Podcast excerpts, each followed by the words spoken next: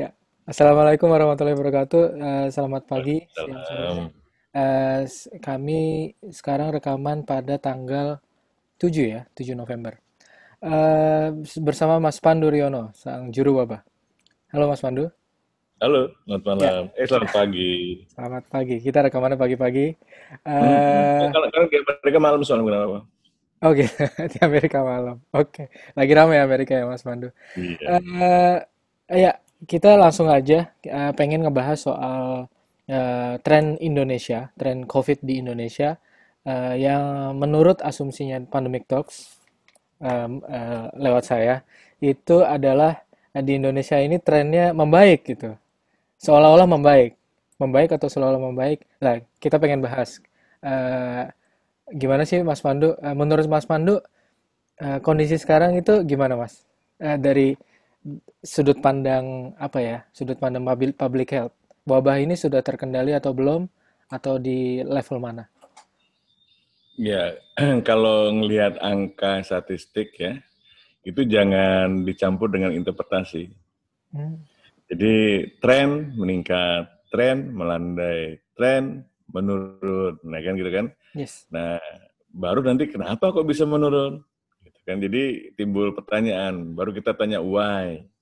Kalau why-nya itu bisa dijawab atau masih belum bisa dijawab, nah interpretasinya juga tidak satu, ya kan? Tidak membaik, tidak eh, memburuk, atau masih dubiat malam, dalam masih meragukan gitu kan, masih Ya, dubia. Dalam bahasa kedokteran itu eh, dulu kalau saya pernah, saya kan drop out dulu di FK, jadi diajarinnya yang ini dubia gitu. Sito itu paling hafal. Ayo Sito gitu. Karena itu yang eh, jadi eh trennya memang menurun, Mas. Jadi eh, saya melihat tren kasus itu menurun eh di Indonesia maupun saya melihatnya kan lebih fokus di Jakarta gitu kan. Hmm, Dan di Jakarta juga menurun. Tapi saya lihat kok testingnya menurun. Nah, gitu kan. Jadi hmm, eh tidak pernah hanya bisa melihat eh, satu variabel saja. Jadi variabel hmm, itu selalu berkaitan. Makanya kita anggap sebagai kalau di dalam melihat suatu fenomena itu kita melakukan namanya triangulasi. Jadi melihat dari beberapa variabel-variabel gitu. Jadi kenapa kok tren ka- eh, menurun di Jakarta lagi, ya kan? Di mana yes. Jakarta tidak perlu ada keraguan terhadap kapasitas testing, ya kan?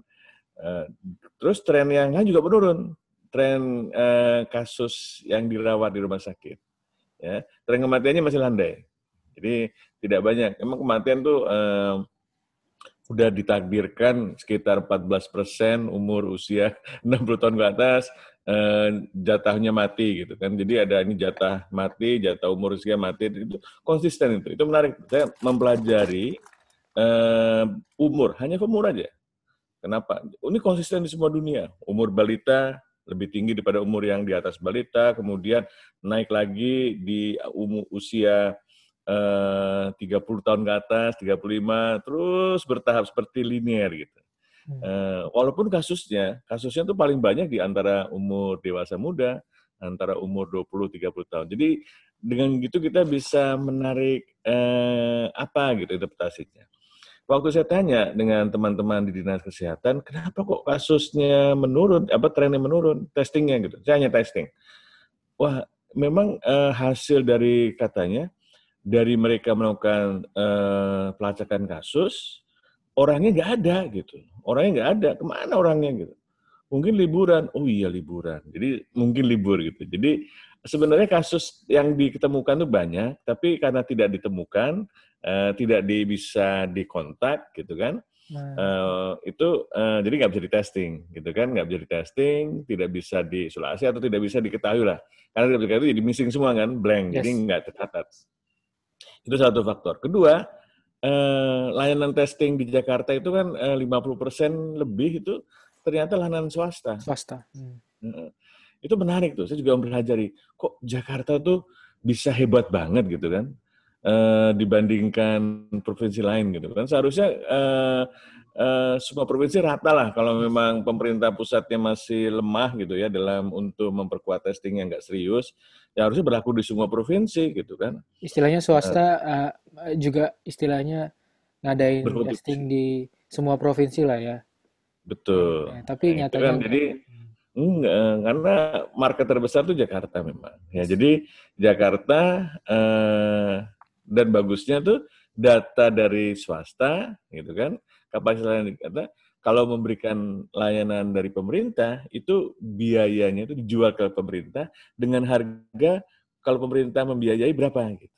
Hmm. Jadi ada tanggung jawab apa namanya swasta gitu. Jadi harga komersial kepada kalau individual mau periksa silahkan atau kantor atau suatu bidang usaha tertentu. Tapi harus melapor gitu kalau ada positif karena gunanya untuk pelacakan gitu. Ini menurut saya uh, dalam era pandemi memang kita harus ada public private mix ya kan. Karena kan kita tahu layanan kesehatan Indonesia kan uh, kalau yang layanan publik dianggap kurang baik gitu kan. Orang kemudian uh, pindah ke layanan swasta. Nah, dokternya juga gitu. Kalau pagi uh, jadi layanan publik, kalau sore, siang memberikan swasta. Ya, hidupnya emang kayak gitu sih. Memang ada pengabdian, ada uh, uh, pokoknya seimbang lah. Ya, ya. Tapi ada yang juga nggak seimbang gitu. Kalau kalau sore itu private sampai jam 12 malam gitu kan. Uh, atau kalau operasi pagi dulu sebelum ke kantor, operasi kita mulai jam 5 gitu kan. Terus nanti jam 8 selesai ada, baru ke rumah sakit. Ada tuh teman-teman saya semua kayak gitu, Mas. Jadi saya bisa. kalau saya mau ngobrol, wah nggak bisa nih saya lagi ini praktek gitu. Kalau lagi ini, wah gitu. Jadi oh gitu. Jadi polanya memang seperti itu. Jadi sebenarnya eh, memang kapasitas pemerintah Indonesia memang terbatas. Belum lagi masalah birokrasi, ya kan? Hmm. Birokrasi itu uh, luar biasa karena ada aturan-aturan, aturan macam-macam birokrasi. Makanya kan uh, saya bisa memahami kenapa uh, Pak D Jokowi itu ingin bikin bus eh, omnibus ya bukan omni bukan bikin bus tapi bikin omnibus gitu kan suatu undang-undang yang bisa uh, menerabas uh, hambatan birokrasi, birokrasi. karena kalau nggak gitu kita akan terhambat birokrasi. Nah pandemi juga terlihat kayak gitu, ya kan? Jadi pandemi ini uh, hambatan terbesar di birokrasi juga. Ini menurut hmm. saya uh, seharusnya memang ada jalan potong. Yang yang bisa menjalankan potong itu presiden sebenarnya. Dan itu yang menurut keturunan jadi kayak gitu ya. Jadi kembali ke awal. Jadi uh, penurunan, tren penurunan, saya bilang nggak bisa membaik gitu kan. Kalau bisa membaik, kalau semua konsisten terutama testing. Testing hmm. itu kunci. Ya, di mana-mana kunci.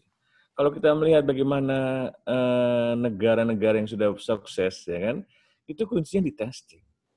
Cina aja ya kan negara Cina yang demikian raksasanya itu tidak tidak mikir vaksin ya nggak mikirin penduduk vaksin. Ada ada ada wabah di suatu kota Wuhan testing sampai satu kota di testing semua. Dalam berapa hari ya, gitu kan? Dalam berapa hari. Kan itu hebat sekali sistemnya. Saya punya buku bagus yang saya baca dua tahun yang lalu uh, Public Health in China. Yang memang hebat Cina itu. Dan dia uh, berpihak ke publiknya luar biasa, ya kan? Karena uh, harus begitu, harus begitu. Dan terutama karena produknya besar dan sulit dikontrol, gitu. Harus dengan sedikit tangan besi. Tangan besi benar kalau kalau ada regulasi berusaha diterapkan gitu. Kalau perlu regulasinya tuh diabaikan supaya bisa diterapkan gitu. Nah, ini kan beda, hmm. beda beda pendekatan. Kota Siadong, bayangin kota Siadong yang penduduknya kayak di atas 8 juta mungkin Begitu hmm. ada kenaikan kasus, langsung semua penduduk uh, di testing. testing. Itu kan kapasitas testing tuh kunci sebenarnya. Karena kunci mengidentifikasi spreader, penular. Nah, supaya hmm. jangan, jadi teorinya ini kan teori penularan. Kita harus mengidentifikasi penular. Nah, penular itu hanya bisa dengan testing. Makanya uh, kalau testing PCR, swab test swab PCR yang masih terbatas, ya susah gitu. Makanya uh, saya begitu ada sudah ada tes antigen, Rapid antigen, hmm. uh, uh, uh, tes antigen itu, tes swab juga antigen. Wah ini kok uh, adopsinya sejak bulan Juli sudah udah ada gitu kan? Adopsinya lamban banget, makanya saya bilang ayo kita harus I, iya, uh, bikin itu, gerakan. Itu udah masuk Indonesia belum sih? Kan uh, WHO udah dari bulan September ya, udah. Udah, udah. Agustus sudah ada pabriknya. Iya, kok uh, kita belum ini ya, belum memakai itu ya, uh, istilahnya kebij belum kebijakannya belum ke arah sana ya, Mas Man? Belum, belum. Kemarin aja baru dua minggu yang lalu Pemda DKI dapat sumbangan 10.000 hmm. antigen nah, yang dihadiahkan oleh WHO kan. WHO kan menjanjikan ngasih gitu kan. Jadi eh, sebenarnya udah ada pabriknya. Pabriknya walaupun mungkin pabriknya masih dikemas ya. Artinya dari Korea Selatan, hmm. bulknya gitu kan, terus di uh, dikemas, dibungkus ulang, di dibuat nama baru gitu kan. Dan Unpad juga melakukan penelitian, ya. makanya mereka punya istilah cepat, nah, C E P A D. Nah, itu jadi uh, saya bilang ini peluang. Peluang apa? Testing. Uh, testing. Uh, walaupun dalam diskusi-diskusi dengan teman-teman patologi klinik tuh, oh nanti kalau positif harus dites PCR gitu. Jadi pikiran mereka tuh diagnostik aja. Dalam public health surveillance sudah apa? Yang penting screening. False negatif, false positifnya itu kita pertimbangkan mana yang menguntungkan, gitu kan? Kalau false negatif, ya bahaya. Karena itulah uh, testing itu juga menjadi kesalahkaprahan ketika rapid test di awal itu. Nah, rapid test di awal kan Hmm. Uh, uh, tes antibody itu, tes antibody itu kan satu satu kesalahan fatal yang menurut saya karena memang uh, tidak ditangani oleh orang yang mengerti. Yang waktu itu kan BUMN dan pokoknya ekonomi-ekonomi dunia, uh, ekonomi dunia, orang-orang yang di bergerak di bidang perekonomian BUMN itu uh, uh, di Indonesia ini uh, sedikit uh, melihat pandemi ini uh, melihat oh cepat ada market jual uh, kayak gitu kan. Tidak di itu pendekatannya bukan public health lah istilahnya ya. Bukan public health. Ya, bukan itu. public Padahal ini harusnya public health, public health. Nah, jadi kesehatan untuk publik, kebijakan publik, public decision. Nah, kan hmm. itu semuanya public, public. Republik Indonesia, kan gitu kan semuanya publik itu kan kita kan negara demokrasi, ya kan? Hmm, bukan makanya kita uh, tidak boleh kekuasaan atau keputusan itu hanya ditentukan oleh segelintir orang, gitu kan? Makanya harus belajar transparansi. Memang sulit kan banyak yang tidak setuju dan tidak uh, menimbulkan kegaduhan kata orang, ya, kehebohan. Tapi kehebohan kegaduhan itu kalau masih kita pakai akal sehat nggak apa-apa. Tapi kan sebagian itu kita dirusak karena akal sehatnya kita nggak kepake gitu kan. Ya ketularan juga sih hampir di semua negara uh, seperti itu gitu. Jadi uh, bukan trennya itu ya. Jadi ya, ini oke uh, oke okay, okay. so oke okay, uh, ini ya aku ringkas sedikit. Jadi soal turunnya kasus ini nggak bisa dilihat yeah. secara satu variabel aja. Jadi harus Betul, dilihat tak. dari uh, variabel lainnya dari triangle view tadi. Jadi vari, uh, terutama soal testing ya. Testing ini memang hmm. menurun juga gitu secara signifikan. Kalau dari hmm. pembahasannya kawal COVID kemarin uh, malah tre tren beberapa minggu ini adalah uh, yang terendah sejak September gitu. Jadi uh, hmm. sempat naik di Oktober terus turun lagi benar-benar turunnya sekarang dua puluh ribuan maka malah nggak pernah nembus tiga puluh ribu padahal standar yang sangat minimal dari ini ya proporsi jumlah populasi di Indonesia dalam ini ya uh, kondisi wabah itu 38 sampai 40 ribu kan satu hari gitu. Iya. Itu yang minimal ya. Tapi kita iya. tiap hari tes orangnya uh, 20 ribuan itu. Uh, kita kita kita harus kritis. Apakah nah. memang ada kesengajaan? Mungkin aja ada. Ya, mungkin aja kan namanya mungkin, ya kan? Apakah kemungkinan kecil besar tuh kita harus yes. uh, analisis.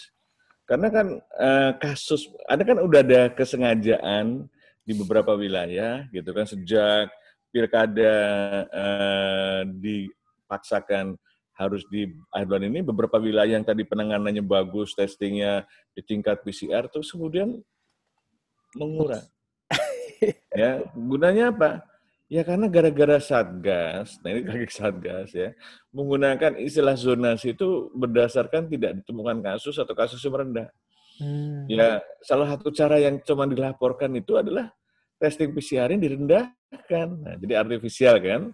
Nah, itu nggak ketahuan. Yang nggak ketahuan, kenapa ketahuan? Sebagai ya, besar nggak bergejala. Nggak dan ya.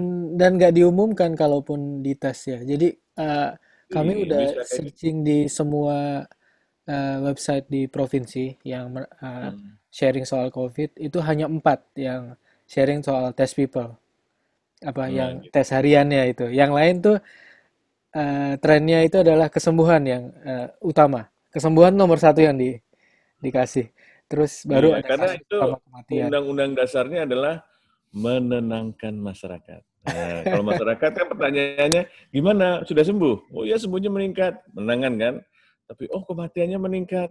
Atau oh masih tinggi kematiannya kan nggak menangkan gitu. Iya, Jadi, iya, iya. Ya, Jadi menurut kita, Mas Pandu gimana Mas? Sembuh ini ya. apakah apakah hal yang perlu di announce dibangga-banggakan atau jadi patokan untuk pengendalian wabah gitu? Menurut Mas Pandu gimana?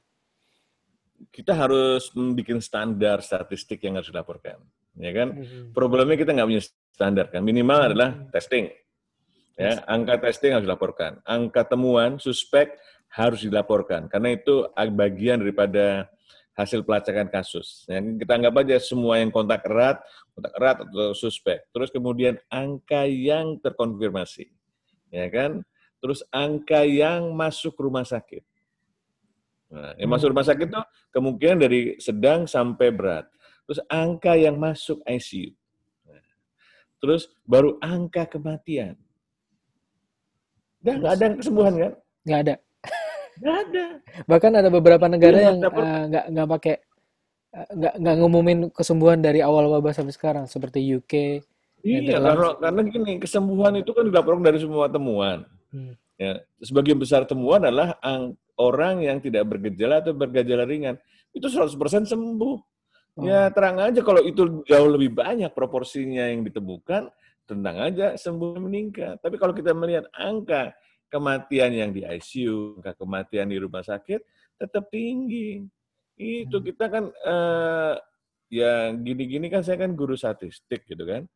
Jadi eh, cara berbohong dengan statistik itu sebenarnya gampang gitu. Kita pilih siapa denominatornya, siapa numeratornya. Kan orang kan nggak memahami konsep itu secara alamiah dan pengertian statistik kan tidak nature alamiah pada manusia. Yes, yes, yes. Itu kan pengetahuan dan dilatih. pelajari. Yeah. Nah itulah. Jadi kalau itu kita bikin standar kayak gitu, mau nggak mau kita melihat bahwa sejauh mana performance kita, gitu kan? Hmm. Performance dalam arti mengendalikan pandemi kan. Apa sih mengendalikan pandemi? Ya menurunkan penularan, kemudian menurunkan kematian. Karena iya, iya. problem dari pandemi adalah penularan dan kematian. Ya kan? Coba kita kan uh, belajar kedokteran kan berusaha mengenali ya kan apakah di sakit ini itu setengah mati itu untuk mendiagnosis. Kemudian kalau ada sudah dirawat berusaha tidak boleh mati, ya kan? Nah, di dalam health juga uh, kita, kalau saya bilang kita ini, kalau saya bilang mahasiswa, belajar public health adalah melawan takdir. Uh, banyak yang terkejut kan? Terutama yang sudah percaya dengan takdir, takdir dalam pengertian sempit. Kenapa? Orang nggak boleh mati karena penyakit. Bayi nggak boleh mati perempuan hamil nggak boleh mati. Ya kan? Jangan bilang itu takdir. Itu kesalahan kita. Hmm. Kesalahan sistem. Nah, dengan demikian kita berusaha uh, menekan kematian. Makanya ada konsep uh, prematur death. Nah, ada kematian prematur, ya kan? Kematian kok prematur. Jadi seharusnya kapan orang bisa bisa bertahan hidup?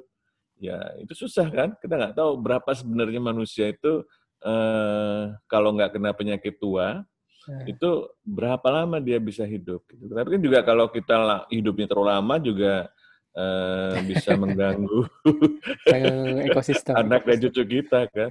Lu nggak mati-mati, kapan warisannya nih? Gitu. Oke, jadi soal uh, balik lagi soal kesembuhan itu bukan iya. atur yang uh, harus diataskan, uh, harus digembar-gemborkan kan, Mbak? Betul. Kesembuhan itu harus delete, hmm. ya karena nggak memberikan indikasi apa-apa kecuali ya kesembuhan dari mereka yang dirawat hmm. nah, di rumah sakit yang di ICU. Nah, tapi kan bukan kesembuhan yang kita lihat kematiannya. Nah, yes. Jadi kematiannya gitu. Karena kesembuhan itu relatif. Orang bilang sembuh, oh udah sembuh. tapi kok masih ngeluh? Iya ini nggak tahu gejalanya masih banyak.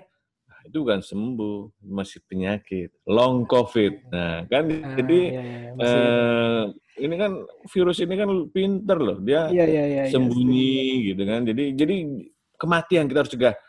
Jadi dua tuh penurunan kasus dan kematian. Nice nice. Uh, terus ini mungkin 10 menit terakhir ya. Uh, kemarin dua hari lalu WHO kan saya mungkin dikit ya. Mungkin Mas Mando juga udah ngomong berulang kali. Uh, WHO itu uh, bikin uh, menyebar uh, bikin surat dan suratnya itu tersebar bahkan ada banyak media yang uh, uh, menginterpretasikan surat itu seolah-olah uh, apa namanya Indonesia sangat baik itu menangani pandemi uh, terutama dari Kemenkesnya dan dikonfirmasi oleh uh, juru, juru bicara atau apa ya Pak Budi uh, dari Kemenkesnya bahwa pejabat oh, iya, pelaksana harian P2P Dirjen iya itu Pak Budi Pak Dirjen Budi, uh, bilang bahwa Pak Keme, uh, Pak Terawan dipanggil oleh WHO karena uh, berbagi keberhasilannya. Menurut Mas Pandu gimana, Mas? Pak Terawan kan uh, memang harus tampil lah, ya kan jangan terlalu lama isolasi mandirinya. Uh, Oke. okay. Uh, jadi uh, memang Indonesia, ya kan, Eh, Kementerian Kesehatan dalam ini Kementerian Menterinya adalah Pak Terawan diundang dengan beberapa negara Thailand dan tiga tempat itu untuk meng-sharing pengalaman pengalaman melakukan intra-action review. Intra-action review dari off pandemic response. Ya. Jadi undangannya itu uh, kita mengundang uh, untuk sharing keberhasilan dalam melakukan uh, evaluasi ya kan? Penanganan pandemi. Nah, jadi evaluasinya kan uh, memang uh, dari sejak bulan Juli itu WHO uh, saya terlibat dalam awal-awal itu uh, disuruh dengerin gitu kan persiapan untuk melakukan intra action review ya yang dilakukan pada bulan Agustus. Juli. Ya Agustus ya. Uh, Juli persiapan, Agustus uh, penilaian. Jadi saya bilang bagus nih gitu. Jadi kalau kita melihat karena item-item yang harus direview ya direview dinilai ya kan uh, itu adalah uh, sifatnya lebih mengarah item-item yang memang harus dikerjakan oleh suatu negara hmm. dalam menangani pandemi ya kan apakah sudah berjalan ya kan apakah belum berjalan kalau belum berjalan kenapa jadi dilihat gapnya kesenjangannya apa kemudian eh, kenapa gitu kan ada kesenjangan itu? Apa solusinya? Yes. Nah itu yang evaluasi kita kita sendiri semua gitu. Jadi stake semua pemangku kepentingan lah bahasa Inggrisnya stakeholder. Yes. Jadi bukan negara lain, bukan hmm. WHO, ya kan? Nah itu ternyata uh, dengan bahasa-bahasa evaluasi ini bukan untuk judgement, untuk oh, ini, iya, iya, supaya iya. kita kan positif gitu. Ini adalah kita ingin untuk solusi mempelajari, nah kan Indonesia dianggap sukses kalau gitu-gitu Indonesia sukses kok. Uh, dalam pengertian teman-teman dari Kementerian Kesehatan itu uh, sudah koordinasi dengan baik ya untuk melakukan review itu tentu dibantu oleh WHO Indonesia ya kan timnya. Hmm. Itu uh, laporannya sudah sesuai dengan jadwal ya kan. Uh, jadi timeline udah nurut lah ya. Hmm. Uh, timeline sudah berhasil dan sudah sudah ada gitu. Ya walaupun uh, tidak diperhatikan tuh uh, tidak kelihatan gitu bahwa itu sebenarnya self kritik gitu kan. uh, jadi uh, memang bahasanya harus kayak gitu. Dan supaya kemudian di-sharing. Nah, di-sharing itu artinya kan pertama banyak negara yang belum belum melakukan proses review Ini. tadi hmm. kan dan kalau kita dari beberapa negara sharing itu bisa dipelajari oleh negara lain. Nah, itu tetapi gitu kan eh, suksesnya adalah sukses review itu juga baru reviewnya. Apakah hasil review dipakai untuk memperbaiki respon kita, nah itu lain perkara. Nah kita karena itu sudah dipublikasi, ya kan, sudah di sharing ke dunia dan ke masyarakat Indonesia dan diucapkan langsung oleh Pak Terawan selaku wakil pemerintah, jadi masyarakat bisa menuntut nanti kita harus mengawal. Ini masih kuning nih gitu kan. Eh, yang hijau dikit. Kalau pembagian rapot kan sudah rapot itu kan eh, kalau kita sekolah dulu kan untuk evaluasi kita. Gitu. Yes, Saya pernah rapotnya, wah banyak merahnya. Jadi kan terpaksa harus belajar tuh hmm. untuk berikutnya supaya yang merah itu jadi kuning gitu. Jadi eh, dulu rapot tuh cuma merah sama hitam ya misalnya ya. Yes. Jadi hitam gitu. kalau udah di bawah 6 tuh udah merah itu. Iya. oh, oh, merah kebakaran gitu kan. Kadang-kadang eh, rapot itu kan eh, dulu zaman dulu tuh zaman saya kecil tuh nggak dipanggil orang tuanya, dibagikan ke murid. Hmm. Eh, teman-teman saya tuh uh, diem-diem aja nggak dikasih ke murid, eh, ke, ke orang tua. Kalau ketahuan orang tua kan uh, marah. Nah, juga oh, ini kira -kira... rapot itu juga gitu. Nah. Jadi rapot ini kalau disimpan aja di Kemenkes, ya nggak ada yang tahu. Nah disuruh hmm sharing, sharing nah, disuruh gitu. sharing. Oh, nah ini gitu. uh, masyarakat ngelihat nih, wow, ini masih kuning, ini uh, masih kuning, okay. Pak Kerawan, ayo. Jadi ini malah, malah chance yang bagus itu? ya ke depannya. Uh, kita bakal lihat. Bagus. Soalnya uh, salah satu masalah menurut uh, pandangannya Pandemic Talks itu adalah transparansi data wabah ini yang di Indonesia hmm. uh, minim sekali ya. Iya, pertama data itu tidak lengkap, ya, ya kan? Kedua tidak dianalisis dengan benar, gitu kan? Hmm. Jadi dipilih tadi yang sembuh dan macam-macam kan, ya. uh, bukan untuk dat angka yang untuk membuat kita jadi memperbaiki. Wa, wa, ya, ya. Semangatnya kan semangat memperbaiki seharusnya self improvement. Nggak hmm. apa-apa salah. Nggak apa-apa tadinya kita teledor. Itu biasa dalam proses itu seperti itu. Ya kan? Kita belajar dari kecil juga. Uh, kita nggak langsung bisa berdiri. Yes. Kalau nggak kotor nggak belajar. Jatuh.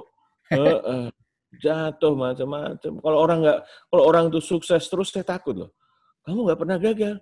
Wah, saya takut nanti kalau kerja sama saya gagal gitu kan. Nah, lebih baik dia banyak gagal dan dia bisa survive dan bisa memperbaiki. Nah, ini baru nature yang bagus gitu. Jadi nature yang bagus adalah semangat untuk terus memperbaiki, Mas. Jadi eh, nah itu kan kita kan udah habis nih dibullying orang gitu. Indonesia apalagi sama juru wabah itu dibilang kritik habis-habisan itu orang ngeritik aja. Kalau dikasih kerjaan juga belum tentu bisa gitu kan. Nah itu uh, ternyata wah kita diundang sukses kita sering pengalaman. Nah itu ya oke okay lah gitu kan. Uh, saya nggak menyerang itu ya saya nggak menyerang itu loh. sengaja. Walaupun saya tahu itu bisa dipakai untuk menyerang. Supaya apa? Supaya jangan nanti ketahuan gitu nggak mau tampil. Kan bisa lagi isolasi mandiri lagi kan? Eh, nggak mau tampil udah diundang. Susah gitu. Kita harus berani lah. Kita harus menghentikan isolasi mandiri ini. Kan saya kan tidak setuju isolasi mandiri. Yes. Iya, karena isolasi mandiri itu membiarkan penularan. Hmm. oke kira-kira gitu sih. Ya udah. Uh, waktunya udah mau habis mas. Uh, Pandu okay. ada cerita terakhir nggak? Jadi kesimpulannya adalah uh, tren penurunan i, uh, yang seolah-olah menurun dan udah membaik ini belum tentu uh, sebe kondisi sebenarnya ya Mas Pandu ya. Iya, belum tentu. Jadi minggu-minggu ini, minggu mendatang dan kapan pun testing tidak boleh menurun. Hmm. Ya, kalau mau di suatu titik tertentu nggak apa-apa, tapi harus terus ditingkatkan. Semakin ditingkatkan, uh, semakin baik. Memang di mana-mana penularannya masih berlangsung. Tidak mungkin penularan itu tiba-tiba uh, terhenti. Ini bukan bukan kayak banjir ya. Banjir kan tiba-tiba surut gitu kan. Wabah ini konsepnya bukan gitu ya. Dibiarin yeah. langsung surut sendiri enggak ya? Oke. Okay. okay. Ada lagi mas? Uh, cukup saya kira. Oke. Okay. Uh, sampai jumpa di kesempatan selanjutnya. Terima kasih Mas Fadil.